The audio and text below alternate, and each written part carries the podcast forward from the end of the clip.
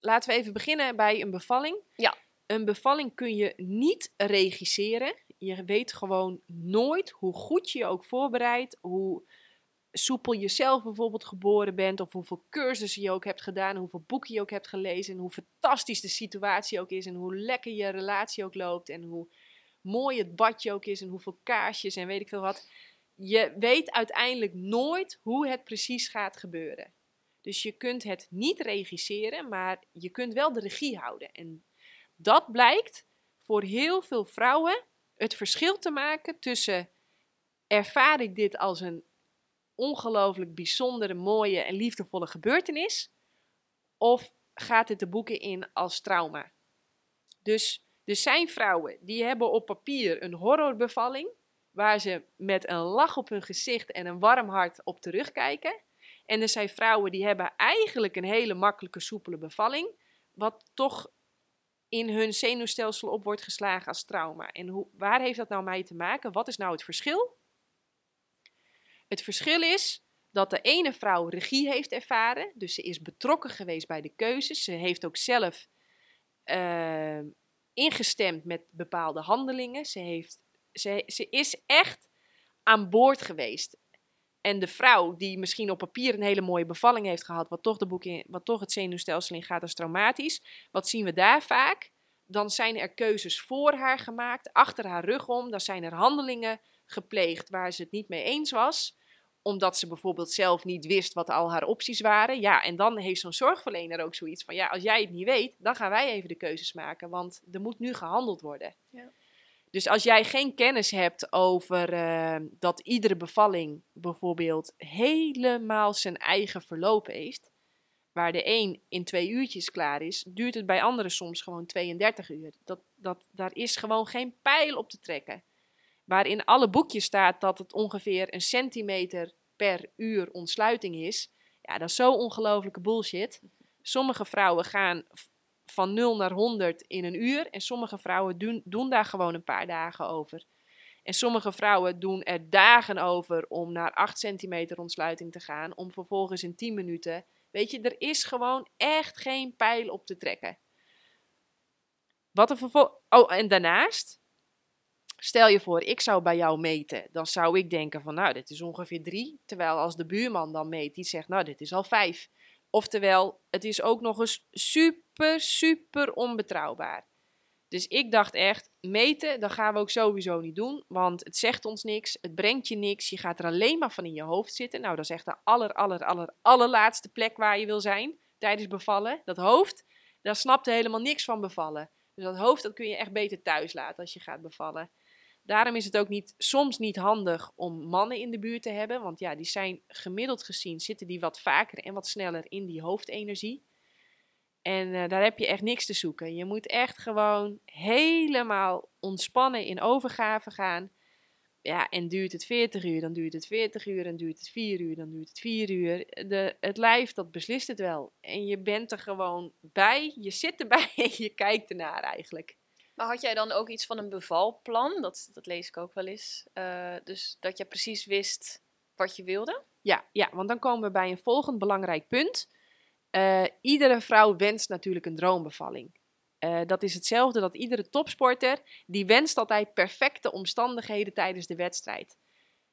Alleen winnaars hebben wel een plan voor als het anders loopt. En dat hadden Mitchell en ik natuurlijk ook. Wij hadden helemaal een boom gemaakt van ja, wij willen natuurlijk graag helemaal happy de peppy, lekker met z'n tweetjes thuis in die slaapkamer met het bad in de badkamer en alles erop en eraan. Daar willen we graag bevallen. Maar er is ook een kans dat het anders loopt. Wat doen we dan? En wat willen we dan? En wat zijn dan onze opties? En waar kiezen we dan het liefste voor? Dus absoluut, we hadden helemaal een bevalplan en we hadden alle scenario's uitgedacht. Ja. Dus, uh, want het, wat ik zeg, je bent het is belangrijk dat je de regie houdt, maar je kunt het niet regisseren. Je ga, je, hoe goed ik me ook voelde en hoe goed voorbereid ik ook was en hoeveel cursussen we ook hadden gedaan. Wij hadden natuurlijk geen garanties op helemaal niks. Dus wij hadden wel, uh, ja, voor alle mogelijke situaties hadden wij wel een plan klaar liggen. Dus Mitchell had ook al geoefend met hoe hij naar het AMC moest rijden. dat hij niet daar in de here of the moment nog moest uit gaan vinden, fuck, welke ingang moeten we eigenlijk hebben. Ja Hè, dus oefen dat. Bereid je echt voor. En bereid ook de scenario's eh, voor waar je, waarvan je hoopt dat ze liever niet gaan gebeuren. En doe dat in een heel vroeg stadium. Het liefst al eigenlijk voordat je zwanger bent. Zodat je tijdens de zwangerschap gewoon helemaal in overgave kunt gaan en helemaal in dat hoofd eigenlijk thuis kunt laten. Omdat je al weet van, nou, als dit, dan dat, als zus, dan zo. En daarnaast, blijf daar ook over praten. Want het kan zijn dat je op moment A denkt van, ja, ik wil het helemaal zo. Om op vervolgens een dag later, omdat je iets gelezen hebt of iets gehoord hebt, of omdat je een vingerspitsengevoel krijgt of een onderbuikgevoel, waaruit blijkt dat je toch anders wil. Omdat je blijft dus non-stop met elkaar communiceren van, uh, ja, sta je er eigenlijk nog zo in? Is het eigenlijk nog dat we in dit scenario voor die keuze kiezen? Maar het begint natuurlijk dus met kennis. Weet wat je opties zijn. Uh, en er zijn echt veel opties. En uh, bereid ieder scenario voor en laat het dan vervolgens ook los. En ja, ga dan. En dat heeft niks met bangmakerij te maken, maar dat heeft volgens mij gewoon een beetje met logisch verstand te maken. En ja, bereid je wedstrijd voor. Zodat je in de here of the moment niet ineens hoeft te bedenken: oh ja, maar wat zijn er dan voor opties en waar kan ik dan tussen kiezen? Nee, weet het. En nu, ja. Weet het. Ik bedoel, uh, als jij niks zegt, dan wordt direct de navelstreng doorgeknipt. Dan krijgt je kind direct allemaal injecties. Dan wordt het waarschijnlijk direct een mutsje opgezet. Dan wordt het gewassen en aangekleed. Wil jij dat? Ja. Of heb je zoiets van, nou, ik wil eigenlijk uh, die navelstreng zo lang mogelijk eraan laten zitten. Want er gaan nog heel veel cruciale voedingsstoffen vanuit die placenta naar het kind toe. Dus ja, ik wil dat dat uh, minstens, nou, noem het, eraan blijft zitten ja, het is wel belangrijk dat je er allemaal kennis van hebt. Ja. Want anders wordt het voor je besloten. Ja, want over die navelstreng uh, gesproken, dat is dan uh, die lotusgeboorte waar ja, ik het net ja, over had. Ja, lotus, lotus. Heel veel mensen denken als ik dan zeg, oh ja, we hebben een lotusbevalling gehad, dat ik in een bepaalde lotuspositie heb gezeten en zo ben bevallen. Nee, daar heeft het niets mee te maken. Ik ben bevallen op handen en knieën in een bad. Mm -hmm. um, uh, maar wat een lotusbevalling dus inhoudt, is dat als je kindje wordt geboren, dat je uh, zodra die placenta eruit komt, dat je die zo lang mogelijk, in het geval van een te vroeg geboren kind en een klein kind, wil je die zo lang mogelijk warm houden en blijven kneden eigenlijk. Okay. uh, maar in het geval van Doutse, die met een dikke 4 kilometer, 4 kilo en een dikke kont werd geboren, dan hoeft dat niet. Dan doe je hem gewoon in een bakje en dan laat je hem uitkloppen, zoals ze dat dan noemen. Uh, net zo lang tot alle voedingsstoffen en alle vitamine en mineralen en uh, ruggenmerg, uh, stamcellen mm -hmm. naar het kindje zijn gegaan.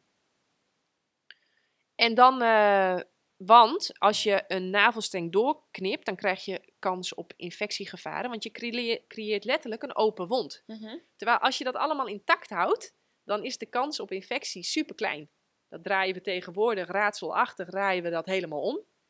Vandaag de dag wordt er wel gezegd van nee, die navels, dat moet je direct afnavelen, want anders vergroot je de kans op infectie. Ja, want dat had ik inderdaad, dat was ook een van mijn vragen, dat heb ik ook gelezen. Ja, maar dat is niet logisch. Omdat dat bloed uh, stroomt tussen de placenta en het kindje, zeggen ze dat zorgt dan, kan zorgen voor infecties. Ja, nou, het doorknippen, dan creëer je een open wond. Dan is er kans op infectie. Als je dat juist intact laat en je wacht gewoon tot uh, dat mooi vanzelf dicht gaat, dan valt dat er gewoon vanzelf af. Ja.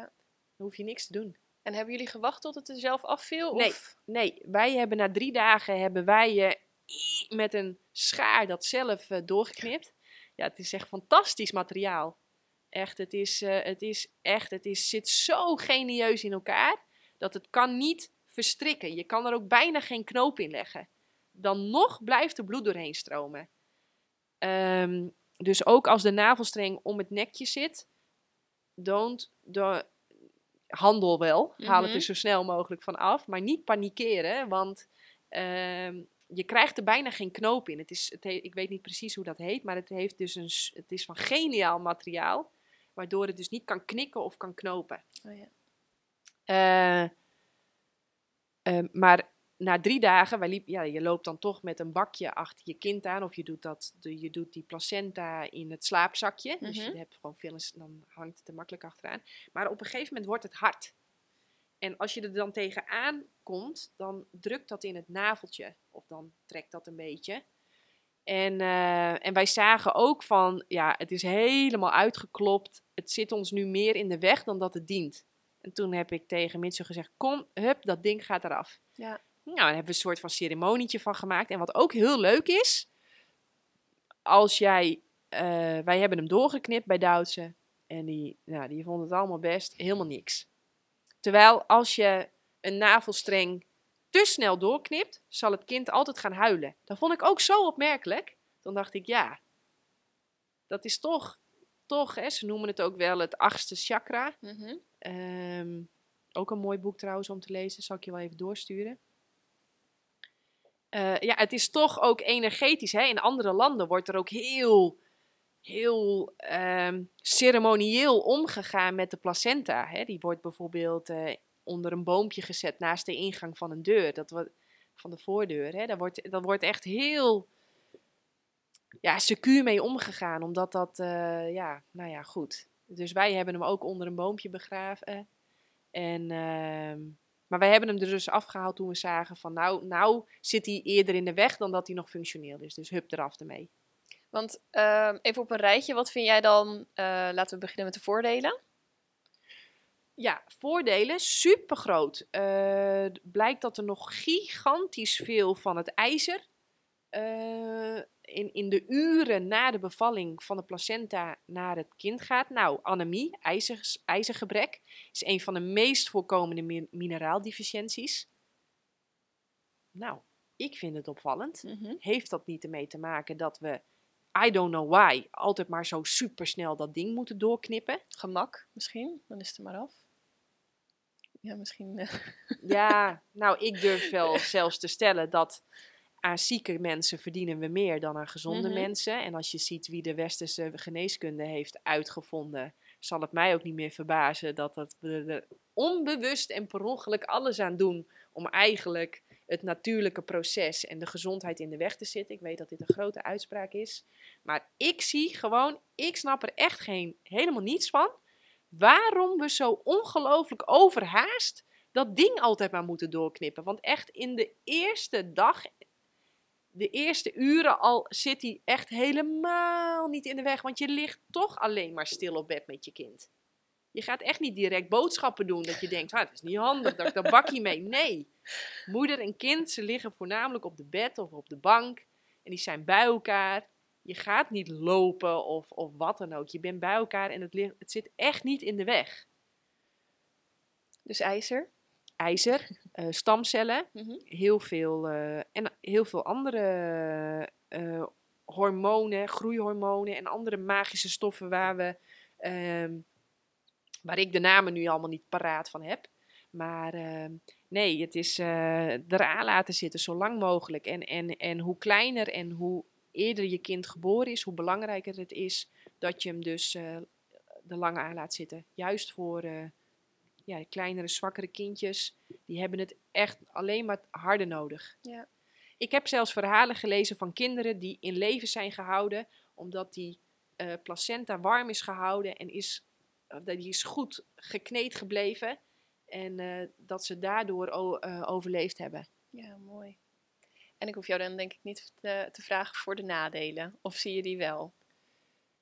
Nadelen van lang raam laten zitten? Mhm. Eh, praktisch, praktisch. Eh, mijn moeder heeft wel eh, in die eerste dagen twee, drie keer per dag die placenta gespoeld en gepekeld. Oh ja. Niet dat dat een hell of a job is, maar je moet wel even iemand hebben die dat even hop hop voor je doet. Ja, Hè, dus als, dat, als Duitse dan verschoond werd, dan ging één even verschonen en de ander hup hup hup die placenta eventjes afspoelen, inpekelen en inpakken. Wij hadden hem in een, in een, zo'n ja, een mooie doek. Dus praktisch. Ja, het vraagt wel wat van je. Het vraagt wel wat Ja. van je. alleen je gaf aan, de eerste, de eerste dagen of de eerste uren lig je sowieso toch moeder en kind op bed. Want wat vind jij sowieso van de bedrust die wordt geadviseerd? 7 tot 10 dagen lees ik eh, veel. Wat vind jij daarvan? Nou, dat heb ik niet volgehouden. Ik heb die eerste twee dagen heb ik wel veel op bed gelegen. Ik vond het heerlijk. Werd de hele dag werd er gesneden fruit aangeleverd en ik kreeg allemaal kaarten en cadeaus en eh, ja, ik vond het wel heel lekker. Ik dacht, nou, we liggen hier gewoon even lekker met z'n tweeën en we laten ons even helemaal lekker verwennen en vertroetelen. dus ik ben wel even lekker blijven liggen, maar op een gegeven moment ehm, voelde ik dat ik echt moest bewegen om uh, mijn spierspanning en mijn, mijn bloedsomloop uh, aan de gang te houden. Oh, ja. Dus uh, ik kreeg van het liggen last van mijn rug. Dus ik zei tegen mijn moeder, het is mooi geweest. En mijn moeder moedigde dat ook aan hoor. Die zei, hup, nou nu maar weer het bed uit. En, Boodschappen doen. nou, ben ik lekker gaan schoonmaken en opruimen. En dit is ook echt een tip van Flip. iedere keer als uh, Duitse dan lag te slapen of zo, en ze lag lekker in haar eh, nestje. We hadden zo'n babynestje. Uh, dan ging ik op mijn buik liggen en dan trok ik mijn navel in en op.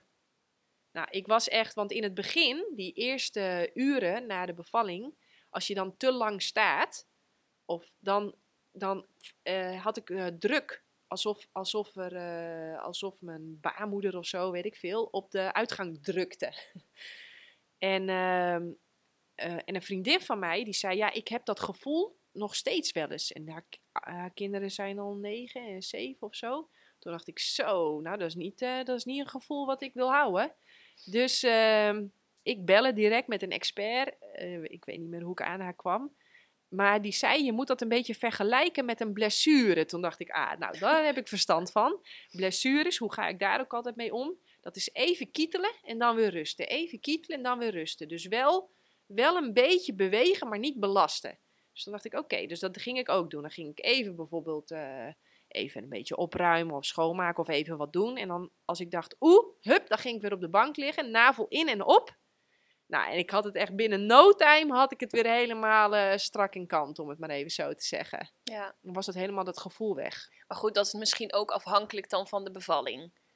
Uh, misschien vrouwen die een hele zware bevalling hebben gehad, daarbij zeg je, blijf wel iets langer in bed liggen? Of zeg je ook dan.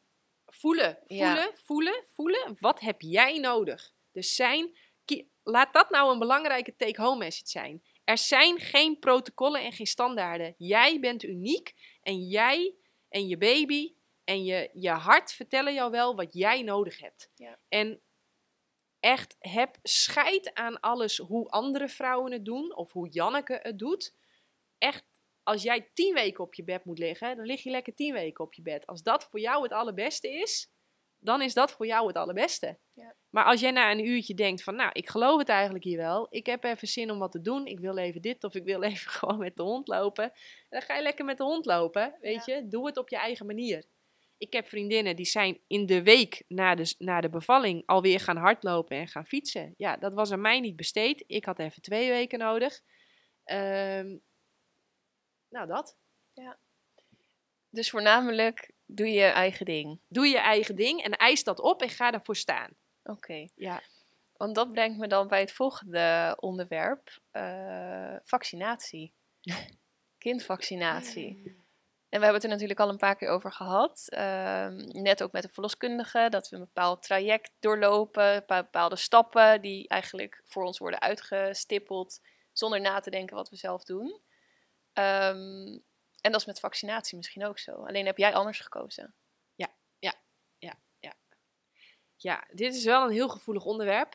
Echt, het is ongelooflijk dat als je hierover uitspreekt, um, dan uh, kan het zelfs zo zijn dat deze podcast uh, eraf wordt gegooid. Maar dat zien we dan wel weer. Mm -hmm.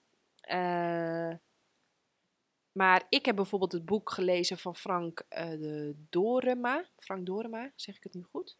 Oeh. Door Frankema. Door Frankema. Ik denk al, het klopt niet wat ik zeg. Door Frankema. Ja, ja. Precies. En zij heeft het boek geschreven Vaccinvrij opgroeien. En uh, omdat mijn vingerspitsengevoel al zei van... Ah, ik, dat klopt niet helemaal, volgens mij. Dus uh, ja, ik heb me daar uh, flink en goed in verdiept. Want ik dacht ook, dit is ook echt zoiets, zo'n keuze, die wil je niet in de here of the moment maken. Dus ver voordat ik überhaupt zwanger was, had ik dat al helemaal uitgezocht. Wat wil ik daarmee en hoe sta ik daarin? Want anders, uh, nou ja, goed. En wij hebben dus besloten dat we daar niet aan meedoen. Waarom?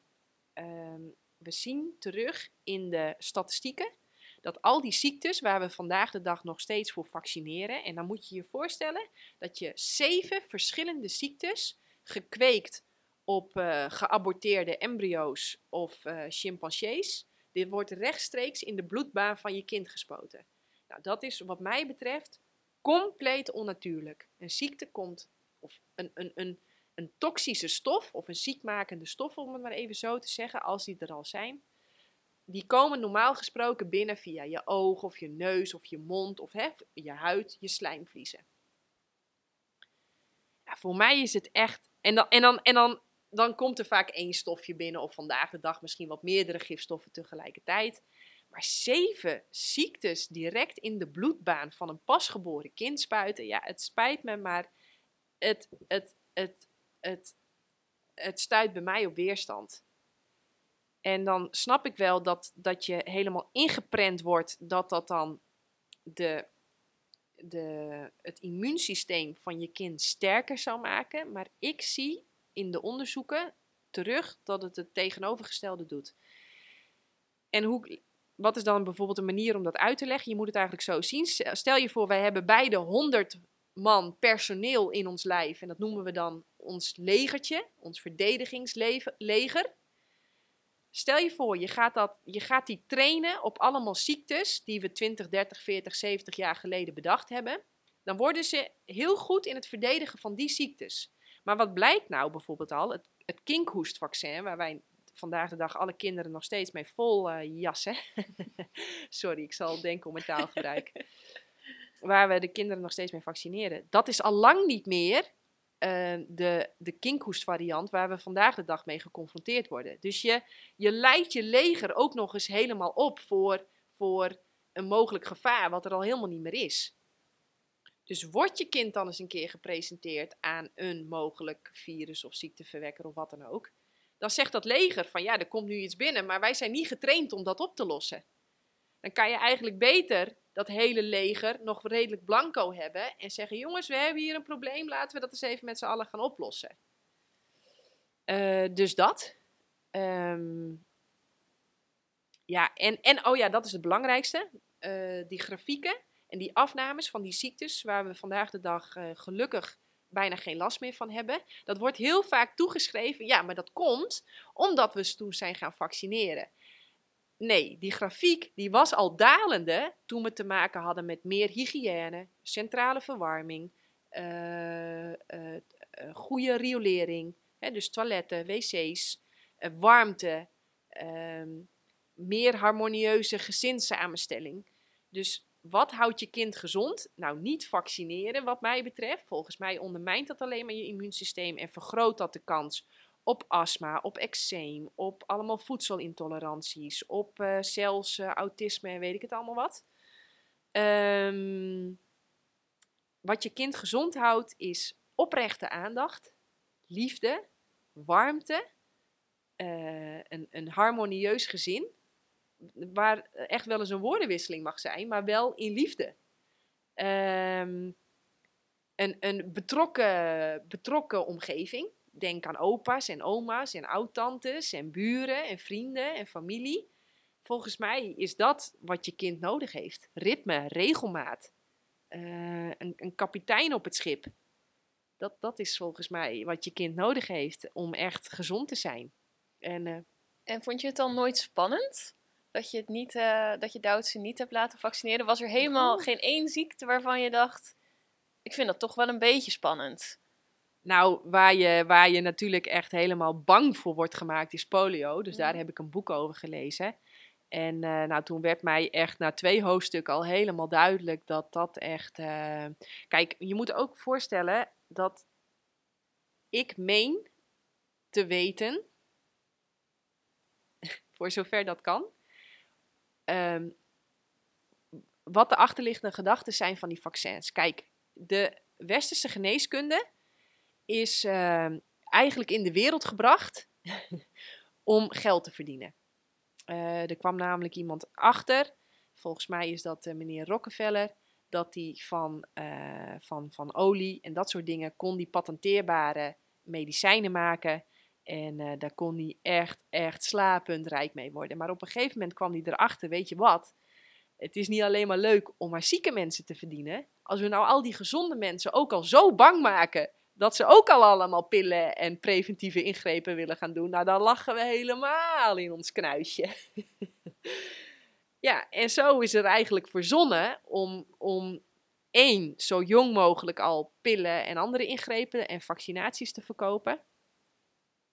En twee, hoe eigenlijk hoe zwakker we dat immuunsysteem van de mens maken en hoe verder we ze verwijderen van hun ziel en hun innerlijke kracht, ja, hoe, hoe makkelijker het verdienen is. Terwijl zelf is Rockefeller altijd bij de kruiden en de planten en het fruit gebleven, omdat hij wist ja, hoe belangrijk dat is. Ja. Eh, en ondertussen lag hij in zijn knuisje, omdat hij, hij is in iedere universiteit is hij binnengeslopen. Eh, in iedere studieboek is hij binnengeslopen. Ja, en ja. En, en, en eh, nee, ik geloof heel erg in het zelf eh, herstellende vermogen van het lijf. En als je dat alleen maar faciliteert, dan zal het lichaam zich onder de juiste omstandigheden altijd zelf genezen. Dat, dat, daar is het lichaam op gemaakt. Ja. We zijn een zelfherstellend, genezend, genezende machine. En ehm, dus dat is, daarom heb ik daarvoor hebben Mitchell en ik daarvoor gekozen. En eh, met betrekking tot polio, dat is een spierziekte die ontstaat als je jezelf. ehm, vroeger werden, de, werden met gifstoffen over het strand gesproeid. Als iedereen al lag te zon en dan ging iedereen echt zo in die gifstoffen staan. Omdat ons toen was wijsgemaakt dat het een soort van, ja, een soort van multivitamine was. Totdat we er later achter kwamen dat dat DDT heet dat volgens mij. Dat Mhm. dat echt super, super, super giftig is. En toen is dat ook verboden. Maar ja, toen hadden al best wel veel eh, mensen polio. En wat werd er toen gedaan met die spierziekte? Dan werd je helemaal gespalkt. En dan mocht je niet meer bewegen. Nou, spieren, if you don't use it, you lose it. Ja. Dus, ehm, maar eh, ja. Ja, nee ja, lees het boek van Door Frankema. Frankema. Ja, nu zeg ik het Ja. goed, hè? Ehm, eh, of, of lees bijvoorbeeld het boek van. eh van boah, nou ontschiet me zijn naam eventjes. De, de achterneef van die president die is neergeschoten. toen- Kennedy. Kennedy. Ja, van Robert Kennedy heet dat boek bijvoorbeeld. Hij heeft alle rechtszaken tegen de farmacie gewonnen. Er blijkt namelijk ook van al die 72 eh, v- eh, vaccinaties waar we jonge kinderen al mee inspuiten, dat daar nog nooit een, eh, een eh, placebo-gecontroleerde test op is gedaan. Nou, en dat hebben ze allemaal ook erkend. In, in, in Amerika gaat er 5,2 miljard dollar per jaar naar ouders van kinderen met vaccinatieschade. Mhm. Waarvan, waardoor, waarbij je door de rechter is besloten, inderdaad, van u heeft gelijk. Dit is inderdaad ontstaan door de vaccinatie. Maar dat kan zelfs uit. Dus je moet je realiseren hoe ongelooflijk grote, machtige, rijke business dit is. Dat je het je kunt veroorloven. Dat het nog steeds winstgevend is. Ook al spendeer je 5,2 miljard aan ouders met, met kinderen met vaccinatieschade. Ja, hoe vreselijk is dat? Ja, dus eigenlijk. Dus eh, jij zei, ben je, ben ja. je, ben je, jij zei, vind je het niet spannend? Nou, ik zou het doodeng vinden als ik Duitse uit handen moet geven en daar gaat een op een geaborteerde kind of op, met, met, met, met chimpansees vieze ziektecellen rechtstreeks haar bloedbaan in. Ja. Ik, ik, ik, ik. En weet je wat ik ook zo opvallend vind? Voor sommige ouders is vaccineren echt een no-brainer. Dat is dat, dat ze geloven daar helemaal in. En nou ja, dan denk ik ook wel dat het minder schadelijk is als je helemaal erin gelooft en helemaal denkt dat je daarmee het goede doet. En wat je goed recht is, hè, en dat mag natuurlijk. Eh, maar wat ik zo opvallend vind, is dat heel veel moeders, die doen het echt zo van, ze zeggen dat het goed is, alles in mij zegt nee. Alles in mij zegt nee. Maar ja, het moet. En ook dan weer, het moet niet. Je bent het niet verplicht. Ik weet dat je bijna iedere week post krijgt met enveloppen Van hallo, hierbij weer een herinnering. In onze, uit onze administratie blijkt, ik bedoel, wij krijgen die brieven ook. En iedere keer verscheuren we ze weer. Dus ik kan me voorstellen dat die pressure, die ongelofelijke pressure van doe het, doe het en het moet en het moet, dat die groot is. Maar ehm, ja, lees je in, verdiep je erin en eh, maak dan vervolgens de keuze die bij jou past. En Ja. wat je dan ook kiest, er is geen goed of fout, maar doe wel wat jij wil. En ook weer van de buitenwereld, hè? net zoals eh, veganistisch zwanger zijn, maar hierbij natuurlijk ook bij vaccinaties. Ehm, kan, je, kan je de pressure van de buitenwereld aan, van je familie of van vrienden? Dat, eh, Ja, en daarom is het, eh, ja, kun je dat aan? Ja, je moet dat aankunnen. Ja. Dat is echt, dat is nou eenmaal zo. Als jij eh, als enige zalm tegen de, als enige vis tegen de stroom in wil zwemmen, maar dat doen volgens mij alle zalmen. Dus dat is niet helemaal lekker, die opmerking. Maar als jij inderdaad eh, je kop boven het maaiveld uit wil steken, omdat jij het anders wil doen dan de rest. Dat geeft ontzettend veel voordelen, want wij hebben een kind wat helemaal de eerste negen maanden niet tot nauwelijks heeft gehuild, nooit krampjes heeft gehad, ehm, ongelooflijk vrolijk is. Eh, dat heeft misschien allemaal niks met elkaar te maken. Eh, dat, dat, dat, dat, ik bedoel, alles kan, alles heeft een prijs. Ja. Dus het, ah, wat wil je het liefste betalen? En het klopt, wij krijgen gelukkig super veel support van onze omgeving. Ze staan echt achter ons. Dat is natuurlijk super fijn. en, en, ehm, maar het kan inderdaad ook zijn dat je lastige vragen krijgt, of mensen die het niet snappen, of mensen die je veroordelen, of mensen die zeggen: Jezus, eh, hè, die je daardoor dus geen goede moeder vinden. Ja. Dat kan allemaal. En dan is het weer, ja, wat, wat, wat heb ik liever dat Jan en Alleman mij aardig vindt en het met mij eens is? Of heb ik liever dat ik, ook al is dan niet iedereen het met mij eens, en krijg ik weerwoord en rotopmerkingen, dat ik naar mijn hart luister. En, en ja, de keuze is altijd aan jou, maar je hebt altijd een keuze. lastige keuzes allemaal als je moeder wordt. Ja, echt. Ja, dat Ja. ervaar ik nu ook. Ja, echt. Lastige keuzes wat er allemaal bij komt kijken. Ja, en daarom, daarom, dat is dus ook eigenlijk mijn tweede punt, hè, wat ik zo straks zei. Hè, les 1, gedraag je als een koningin. Maar twee ook, doe dus daarom ver, ver voordat je überhaupt besluit, wil ik eigenlijk wel kinderen, doe je huiswerk. Want anders moet je in de here of the moment, en dat ervaar jij nu ook, best wel veel Ja. moeilijke beslissingen maken. Ja. En eh, nou, dat. Ik had er zelf ook nog even wat dingen opgeschreven, Oh. dus die pak ik er nog even bij. Gewoon belangrijk om te zeggen. Mm. Oh ja, ja. Ja. Oh, zal ik het zeggen? ja, zeker. Nou, ik heb nog even opgeschreven, dat, was, dat hebben we al gezegd. Maar eh, je kunt je bevalling niet regisseren, maar je kunt wel de regie houden. Dus eh, dat, dat hebben we wel al goed uitgelegd. Hè? Ja. Verdiep je in alle opties, alle mogelijkheden, alle plekken. Maar ook ben heel secuur eh, in wie jij graag bij je bevalling wil hebben. Want je bent als vrouw, je bent een zoogdier met een zoogdierenreflex. En als jij je ook maar op een ini mini millimeter bekeken, beoordeeld of onveilig voelt, of hey, dit is nieuw, dan gaat jouw lichaam op slot. Hè, dat noemen we dan de niet vorderende ontsluiting. Wat wordt gezien als je faalt, wat eigenlijk precies het tegenovergestelde is, namelijk je hebt een super gezond en een natuurlijke reactie van je lichaam. Want ja, eh, onbewust wordt hier gevaar gedetecteerd. Dan is het natuurlijk niet handig dat er een baby wordt geboren. Dus hop, we gaan even op slot. Dus waar het wordt gezien als falen en ook echt in de vrouw haar schoenen wordt geschoven van ja, je faalt, dat gaat hier niet goed, gaat het eigenlijk supergoed. Mhm. Maar wat je dus wil als zoogdier, is dat dus die bevalspace, dat die helemaal bekend is en vertrouwd. En dat je helemaal jezelf kunt zijn. Dat je een scheet kunt laten wanneer je dat wil. Of dat je de hele tijd met je heupen wil wiegen op je wilde. Of dat je op handen en knieën wil zitten wanneer je dat wil. Of dat je op de wc wil zitten. Of weer op het bad. Of weer op het bed. Of wil liggen of staan. Of dat je maar kunt doen wat jij helemaal zelf wil. Dat jij dus helemaal kunt bewegen op je eigen manier. Eh, want het komt gewoon keer op keer op keer op keer uit onderzoek dat een vrouw baart gewoon beter in een veilige, bekende, vertrouwde omgeving met mensen die helemaal Die niet gaan zitten van, nou, dit duurt wel lang. Ja. Maar goed, dat is thuis makkelijk. Alleen als je dus last minute toch naar het ziekenhuis moet, hoe Dan- bewaar je dan die veiligheid? Ja, daar heb je je man voor nodig. Ja, Die moet daar echt spaceholder zijn. Die moet echt zorgen dat er niet iemand onverwachts binnenkomt, tak, die het licht even aanknipt. Ja. Want dat gebeurt, hè? Ja.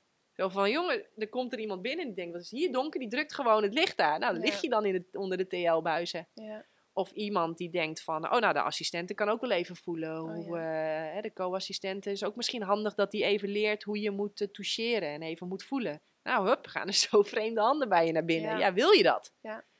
Dus als je dat denkt van, nou, ik vraag me af of mij dat zou helpen. Of dat voor mijn, voor mijn lichaam voelt als veilig en vertrouwd. eh, ja, dan heb je dus echt je man nodig die ook in de gaten houdt. Want het is geen kwaadaardigheid, maar het is gewoon routinewerk. De schaar wordt erbij geknipt, pakt en de navelstreng wordt doorgeknipt. ja, Als jij daar als man niet bewust van bent, dan is dat al gebeurd voordat je er in de gaten Ja. hebt. Of een oxyto- oxytocineprik. Als jij daar niet bewust op bent, dan zit die al in je bovenbeen voordat je het überhaupt in de gaten hebt. Want jij bent met je baby bezig. Je bent echt wow, weet je. Want het gaat aan de borst en het gaat drinken. Je bent helemaal vol verwondering. Ja, ondertussen gebeurt er gewoon van alles als je daar niet je koppen bij hebt. En nogmaals, dat zorgpersoneel doet dat niet vanuit kwaadaardigheid, maar dat is gewoon routinewerk. Ja. En als je dat dan niet wil, ja. Ehm, ja, ik heb je dus opgeschreven, dus je moet je gewoon supergoed voorbereiden, zodat je weet wat je keuzes zijn. En weet wat je opties zijn en wat jij dus echt zelf graag wil. En wat ik ook had opgeschreven, dus je moet alle scenario's eh, ja, bespreken. Want eh, de dertiende ramp komt altijd onaangekondigd. Dus durf alles aan te kijken. Ook je meest gevreesde scenario had ik nog opgeschreven. Want eh, dat is die uitspraak, de dertiende, ja, volgens mij is de officiële uitspraak, de dertiende heks komt altijd omgevraagd.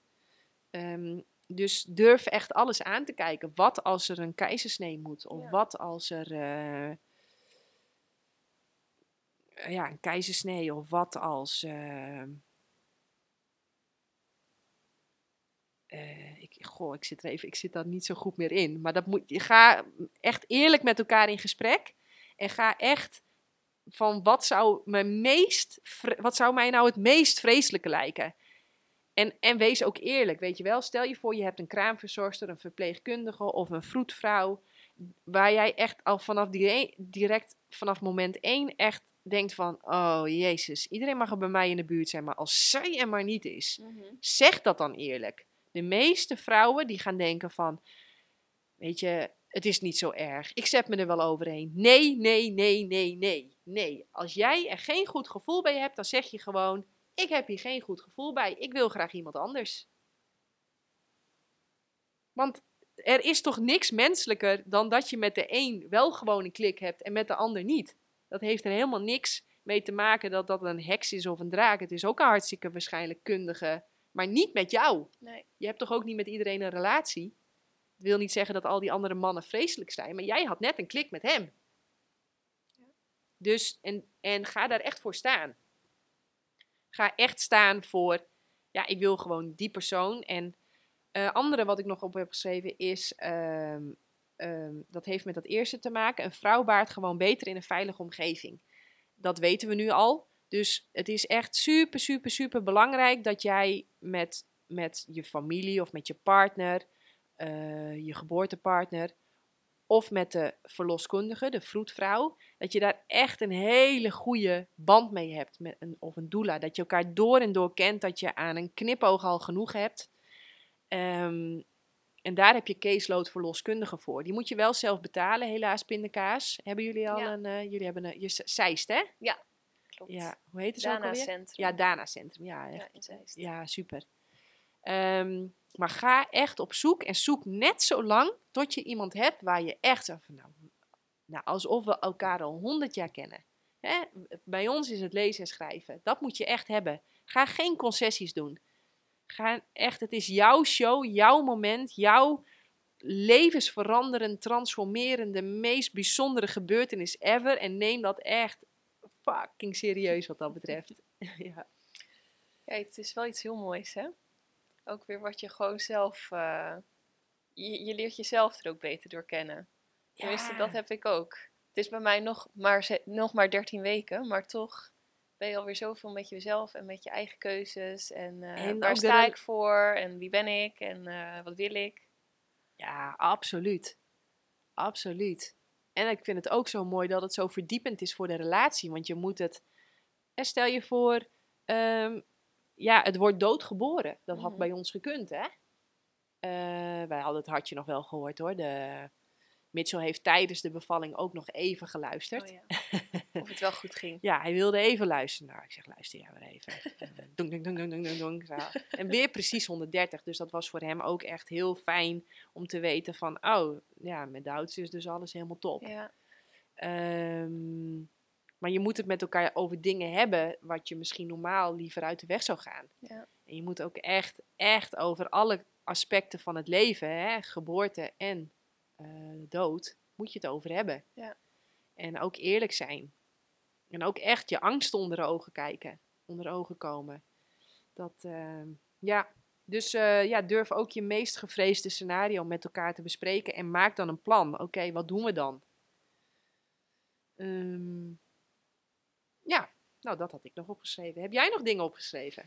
Nou, ik had eigenlijk als laatste vraag gewoon nog eh, een laatste tip. Maar volgens mij heb je nu eh, de tips wel gegeven. Veilige omgeving. Je eigen regie. Ja, wat, eh, misschien is het nog even handig als ik nog eventjes mijn twee gemaakte fouten deel. Ja. Ik heb ook twee fouten gemaakt, of fouten.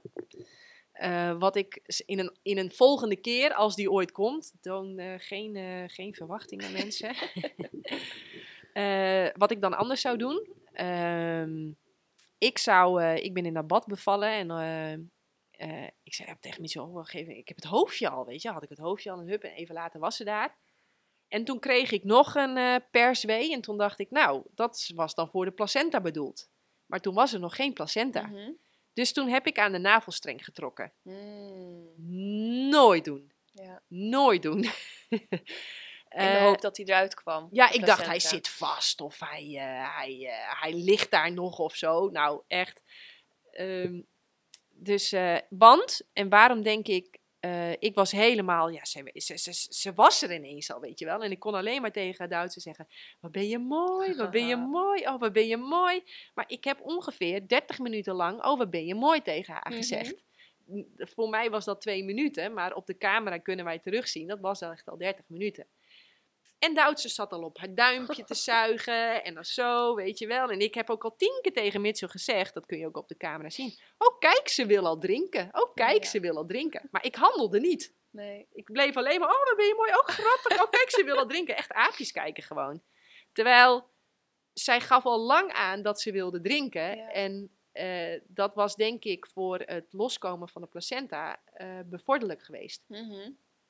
Dus ik zou zeggen, kijk even naar de kind, zeg even tien keer wat ben je mooi en dan hop aan de borst. Ja. Ehm, en toen kwam die pla- placenta, maar ik had daaraan getrokken. En ik denk dat ik daardoor een klein wondje heb veroorzaakt en daardoor heb ik eh, bloed verloren, meer dan nodig. Oh, ja.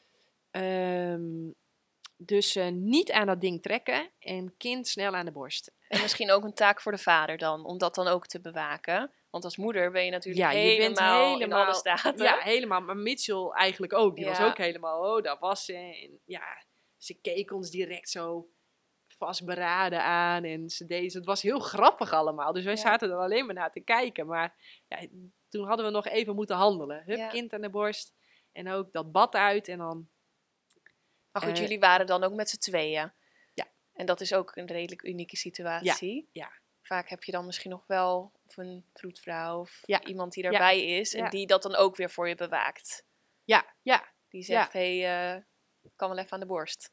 Ja, ja, maar dat hadden wij, dat hadden wij, daar hadden wij, ehm, daar hadden wij niet goed genoeg voorbereid. Nee. Dus, eh, en wat ook een belangrijke was, Mitchell had bijvoorbeeld voor mij wel de hele tijd eten, maar hij was zichzelf vergeten. Oh, ja. Dus Mitchell die had op een gegeven moment best wel honger en dorst. Ja. maar ja, hij moest mij, hij moest de, het bad moest hij warm houden, hij moest de handdoeken warm houden. ja, dus, dus als man is het ook belangrijk dat jij ook weer iemand hebt die voor jou zorgt. Ja. Dus de volgende keer zal ik, zou ik denk ik mijn moeder of mijn schoonmoeder of, eh, of iemand eh, al veel eten laten klaar hebben of zo. Dat het voor Mitchell makkelijk is dat hij ook wat te eten Ja. en te drinken heeft. Ja. Eh, dus dat zijn dingen die ik anders zou doen. En eh, ehm, ja, dat is denk ik wel. En ehm, oh ja, de- ik heb dus heel veel sinaasappelsap gedronken, ook na de bevalling. En heel veel fruit gegeten. En ook weer heel veel ijzer genomen. Dus Oh ja. echt binnen no time was mijn HB echt weer 8,3 of zo. Ja. Ehm, dus ook dan, zorg op een manier dat je heel veel zeewier. Hè, in, eh, in, eh, in het oosten krijgen vrouwen, die moeten op bed blijven liggen. Of ze nou Mhm. willen of niet, maar daar moet je op bed blijven liggen. Dan krijgen ze de hele dag zeewiersoep. Omdat dat zo ongelooflijk rijk is aan ijzer en andere mineralen. Maar zorg dus op een manier... Ja, ik heb dus heel lang een team gehad. eh, mijn moeder en mijn schoonmoeder en mijn schoonvader en mijn eigen vader en mijn zusje ehm, die ja, ons geholpen hebben. Ja. Dus Mitchell en ik, ja, wij vonden het echt net vakantie. De was werd gedaan en er werd de hele tijd voor ons gekookt. En we kregen de hele tijd het fruit allemaal gesneden in allemaal leuke vormpjes. En ja, we hebben ons echt laten vertroetelen. Heerlijk. Ja, wij hebben het echt als een roze wolk ervaren. Maar ook dat moet je weer van tevoren regelen natuurlijk. Regelen, ja. Vragen of ze je willen helpen. Ja, ja, ja, absoluut. Dus ook Dus, daar eh, weer over nadenken ja, van tevoren. Ja, dat ze vrij hebben, dat Ja. ze... eh, dat er, ik had iemand anders, Jelle bijvoorbeeld, die ging de hele tijd fruit halen. Dus die was naar de groothandel geweest. Dus we hadden echt, echt dozen fruit. Dus ja, dus dat moet je allemaal wel regelen, ja. Maar mensen vinden het zo ontzettend leuk om je te helpen. Dus vraag ze ook, Ja. betrek ze erbij. Ja. Zal ik nog eventjes de boeken laten zien Ja, die ik sowieso heel, leuk. vond? Ja. Dit is eh, Geboren wilde worden. Dat gaat helemaal over eh, de ziel en de zielsmissie van een kindje. Dus de ziel eh, kiest helemaal zijn ouders uit om daar te gaan ervaren wat hij graag wil ervaren of zij. Mhm. Dus ehm eh, er gaat ook in of, op abortus of op weg laten halen of dat soort dingen. Ja, ik vond het een, ja, ik vond het een heel, ik had het echt in een avond uit. Dus, want ja, dan, dat wordt ook, ja, ik weet niet, ik vond het extra leuk. Het maakte voor mij ook helemaal weer zo nieuwsgierig waarom Doutse ons als ouders heeft uitgekozen en wat ze hier komt doen en eh, nou dat. Dit is het boek van een vrouw wat ook ehm, eh, wat vier kinderen heeft en daar ook helemaal unassisted, hè, zo noem je dat, Mhm. unassisted childbirth. Dat is wat wij hebben gedaan. Dus Ja. een, eh, ehm, daar een boek over heeft geschreven. Zij staat echt, eh, ja, zij is een van de eerste die daarover geschreven heeft. Ja, deze vond ik ook echt fantastisch. Eh, conceptie, geboorte en leven. En dan gaat ook over de verbinding van de ziel met het lichaam. En eh, ik heb het ook een vriendin laten lezen, die vond het echt vreselijk. Maar ja, ik, ik vond dit echt een heel mooi boek. En dit is het boek eh, waar Die valt ook helemaal uit elkaar. Dus ja, ja, ja. Dat is eh, eh, Vrije Geboorte van Annemeer te Korteweg. En dit is wat mij betreft het boek wat het beste woorden geeft aan wat ik heel erg voelde. Dus ik voelde helemaal van ik wil dat zo en ik wil dat zo en ik wil dat zo en ik wil het zo en ik wil het absoluut niet zo, zo en zo. Hè, dat is ook nog even een tip van Flip. Heel veel vrouwen weten wel wat ze niet willen. Maar het is veel belangrijker dat je gaat weten wat je wel wil. ja. En dit boek gaf daar voor mij echt woorden aan. Dit, ik zie Annemeer te Korteweg echt als iemand een beetje als de Janneke, maar dan op het gebied van geboorte geven. En eh, ja, ik vond dit, eh, dit, is, dit is wat mij betreft, als je niet van lezen houdt en je wil je dan toch door één boek heen worstelen, lees dan dit boek. Vrije geboorte. Ja, ja dat vond ik echt, eh, echt het beste boek. Behalve het, het, het boek over eten. Dat vond ik echt een raar hoofdstuk. ja, Die wil je graag herschrijven. ja, dus zou ik graag willen herschrijven. Ja, dus Anne Meerte, als je eh, wil dat dat hoofdstuk herschreven wordt, dan eh, wil ik je graag helpen. Eh, en zij schreef samen met Jilke Pet ook nog dit boek. Dat is het nieuwste boek. En dit is echt het werkboek. Mhm. En dat is ook echt een aanrader. Ja, mijn reis naar binnen. Hier wordt ook eigenlijk je helemaal in aangemoedigd om echt die koningin te zijn en je te laten dienen. En, en dat doe je niet vanuit een arrogante plek. Dat doe je vanuit een hele liefdevolle plek van we zijn een team. En ik heb deze taak. En ja, door mij zo te helpen hebben we allemaal een hele belangrijke taak. En Ja. staan we allemaal in ons kracht. Eh, ik ga Relax bevallen. Vond ik ook een heel fijn boek. Eh, zij deelt eh, over hypnobirthing. En hypnobirthing, wij hebben ook een hypnobirthing cursus gedaan. Mhm. Niet dat ik daar wat nieuws heb geleerd, maar voor Mitchell vond ik dat echt een hele waardevolle cursus. Dus ik zou zeggen tegen alle vrouwen, neem je man mee naar zo'n cursus. Het is echt heel waardevol. En leuk om samen te doen, denk En ik ook. superleuk om samen te doen. Ja. Ja, ja, absoluut. Eh, en dan het boek eh, eh, Mama van Nina Piersen. Nina, als je dit hoort of via een ander, ik zou je echt super graag in de podcast willen. ik ben echt ontzettend fan ook van je boek. Ik vind dit echt een hele mooie samenvatting van alle documentaires en boeken. En laat echt alle opties zien die je hebt. Echt een heel fijn boek. Mm, nou ja, dan het penisboek voor de man. Eh, hij laat ook helemaal zien hoe belangrijk het is ook om als man heel veel fruit en planten te eten. En waarom het voor je, voor je, voor je aubergine niet zo goed is om veel dierlijke producten te eten. Dat dat ten koste Ja. gaat van de zaadkwaliteit en ook van je erectie zelfs. Ja. Eh, van de hardheid en de duur en de hoeveelheid erecties die je hebt. Dus eh, Nou ja. die, En bij Ja. jou eh, was het ook één keer raak, toch? ja, En bij ons ook. Dus dan eh, toch dat fruit en die planten Eh, toch misschien. die win-win methode. ja, leuk, leuk. Ehm, ja, grappig. Ja. Ja, nee, ja. Ik heb zelfs iemand gecoacht die tijdens het coachtraject zwanger werd door de spiraal heen. Toen waren we Oh, wel echt zo echt? van, wow, die win-win methode is wel heel krachtig. Ik wil net zeggen, iets te krachtig dan misschien. Ja. maar- Ja. Ehm, nou ja, en natuurlijk dan eh, de eiwitleugen over het optimale dieet Ja. voor, eh, voor tijdens en na de zwangerschap. Want heel veel mensen denken van, nou, als je eenmaal volwassen bent, dan kun je wel plantaardig gaan eten. Maar hoe zit het dan als je zwanger bent? Of hoe zit het dan als je kind bent? En eh, alle onderzoeken die ik heb gelezen laten zien dat het win-win dieet, ja, hoe logisch, maar in alle levensfases en in alle, voor alle leeftijden echt het optimale dieet is voor de mens. Maar mocht je daar nog een beetje onzeker over zijn of denken van ja, hoe zit dat dan precies, dan is echt de eiwitleugen aanrader. Ja. Luc kwam dus met een geniale opmerking die we er echt nog achteraan willen plakken. Want eh Mitchell en ik die hebben ervoor gekozen om echt, denk ik, na vijf dagen al ja, onze ouders en eh, mijn zusje te vertellen dat ik zwanger eh, was. Waarom? Waarom? Want heel veel mensen, hè, Luc zei ook van, eh, nou ja, ik vertelde aan mijn collega dat we zwanger zijn en al 13 weken. En toen zei die collega van, oh wat leuk, dan mag je het nu eindelijk gaan vertellen. En ik vind dat zo typisch Nederlands.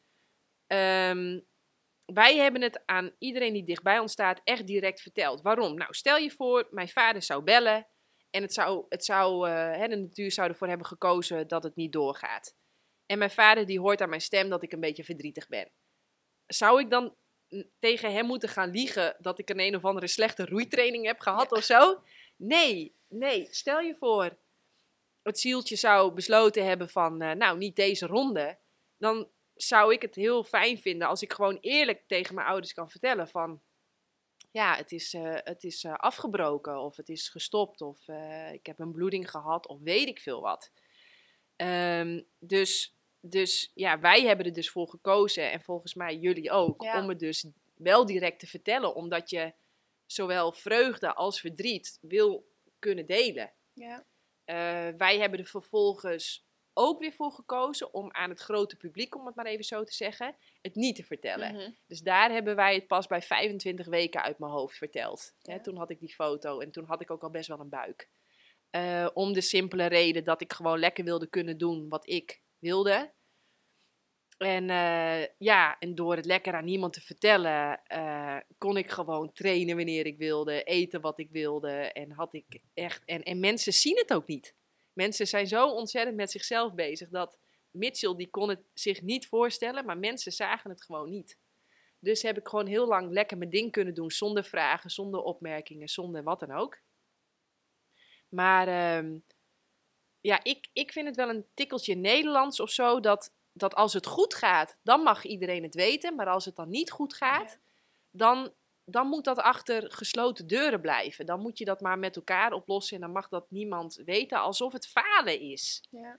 En ja, ik weet niet, ik voel dat niet. Ik voel, een, Ja, en er misschien ook dus al van uitgaan dat het misschien niet goed gaat. Tenminste, zo voelt het voor mij. Als ik het geheim zou houden, uh, dat, dat doe je dan vaak voor het geval het toch niet goed gaat. Maar ja, dan ga je er dus al van uit dat het verkeerd kan gaan. En ik dacht alleen maar, ik ben zwanger, het gaat gewoon goed. Tenminste, ik weet niet of jij dat ook herkent. Nou, waar het mij heel erg om ging, is ehm, dat alles er mag zijn. Ja. En door het geheim te houden en het pas te vertellen als het de grootste kans op goed gaan heeft, hè, want ook na twaalf weken kan er nog van alles gebeuren, ehm, hè, dan is de kans dat het afgebroken wordt is heel klein. Maar dan nog kan er alles gebeuren. Waar mij gewoon om gaat is dat alles er mag zijn. En dat het niet alleen maar roze geur en maneschijn hoeft te zijn en alleen maar gedeeld mag worden als het goed gaat. Nee, met mijn familie en iedereen die dichtbij mij staat, hè, mijn beste vriendinnen, wil ik gewoon alles kunnen delen. Ja. En uh, dus dat, dat was onze reden. Ja. Dus dat taboe mag er wel een beetje af, eigenlijk. Ja, dat is aan jezelf. Uh, dat is aan jezelf hoe je daarmee omgaat. Maar uh, vaak als ik dit vertel, dan zijn mensen echt van: Oh ja, oh ja, oh ja. Want je creëert, stel je voor, je zou wel een miskraam hebben gehad. En, en en ja, je, ja en dat, dat heeft echt heel veel impact op je. Dat, dat is niet zomaar even wat. Daar moet je echt wel van herstellen, fysiek, maar ook mentaal, emotioneel, spiritueel. Dat heeft echt wel impact. Ja, dan lijkt het mij wel fijn als je dat niet geheimzinnig over hoeft te doen. En niet uh, jezelf maar op moet poetsen van... Uh, oh nee, ja goed, niks aan de hand. Terwijl je gewoon uh, in rouw bent. Ja. Ja, ik deel die mening. Ik wilde het na één dag gelijk. Zijn we in de avond naar mijn ouders gereden. We hebben een rondje gedaan langs iedereen. We konden niet wachten. dus wij. Ja, ja ik, ik deel die mening. En juist die vreugde in de eerste weken. Ja, en zelf gebeurt er al van alles in je lichaam. Bijvoorbeeld dan ook die misselijkheid waar ik zo last van had. Ja, heerlijk dat ik gewoon kon zeggen: ben misselijk, jongens. Ik heb geen zin om uit eten te gaan, bijvoorbeeld. Ja hoe moet je dat anders doen tegen je vriendin als ze het nog niet weten? Of tegen, me, tegen mijn familie? Ja, ja. Het lijkt mij heel ingewikkeld ook. Het is toch een bepaalde vorm van liegen dan tegen de mensen ook. Ja, want je bent nog niet helemaal eerlijk. Dus mij lijkt dat heel ingewikkeld. Ja, ja grappig. Wij hebben precies hetzelfde gekozen. Dus leuk, uh, leuk uh, dat we dit er toch nog even bij doen. Want ja. ik denk dat het heel helpend kan zijn voor heel veel mensen. Ja. En... Um, En ook nog eventjes, toch nog dan een laatste. Die caseload verloskundige. Ik mhm. heb ook, hè, ik wist het van jou, dus wij hebben echt direct van bellen, nu bellen. Uh, want ze zitten echt, je knippert met je ogen en ze zitten vol. Dus, uh, en als je dan wel een miskraam is, dat is dan ook niet erg. Dan kan je dan juist begeleiding bij krijgen. En, en dan zit je tenminste al in het systeem. Voor de volgende ben je dan als eerste ja. aan de beurt. Ja. Dus mooi. Voor jou, vind je dit gaaf? Vond je het leuk? Deel het dan volop op je social media. Je mag ook naar jannekevandermeulen.nl gaan. Daar vind je de knop doneren. Dan kun je financieel supporten. Je mag me ook een mail sturen als je zegt, nou, ik wil je graag op een andere manier supporten. Ook welkom. Uh, Janneke van der Meulen is ook de enige plek waar je het boek vindt, De Eiwitleugen. En dan zou ik zeggen, tot de volgende keer. Doei!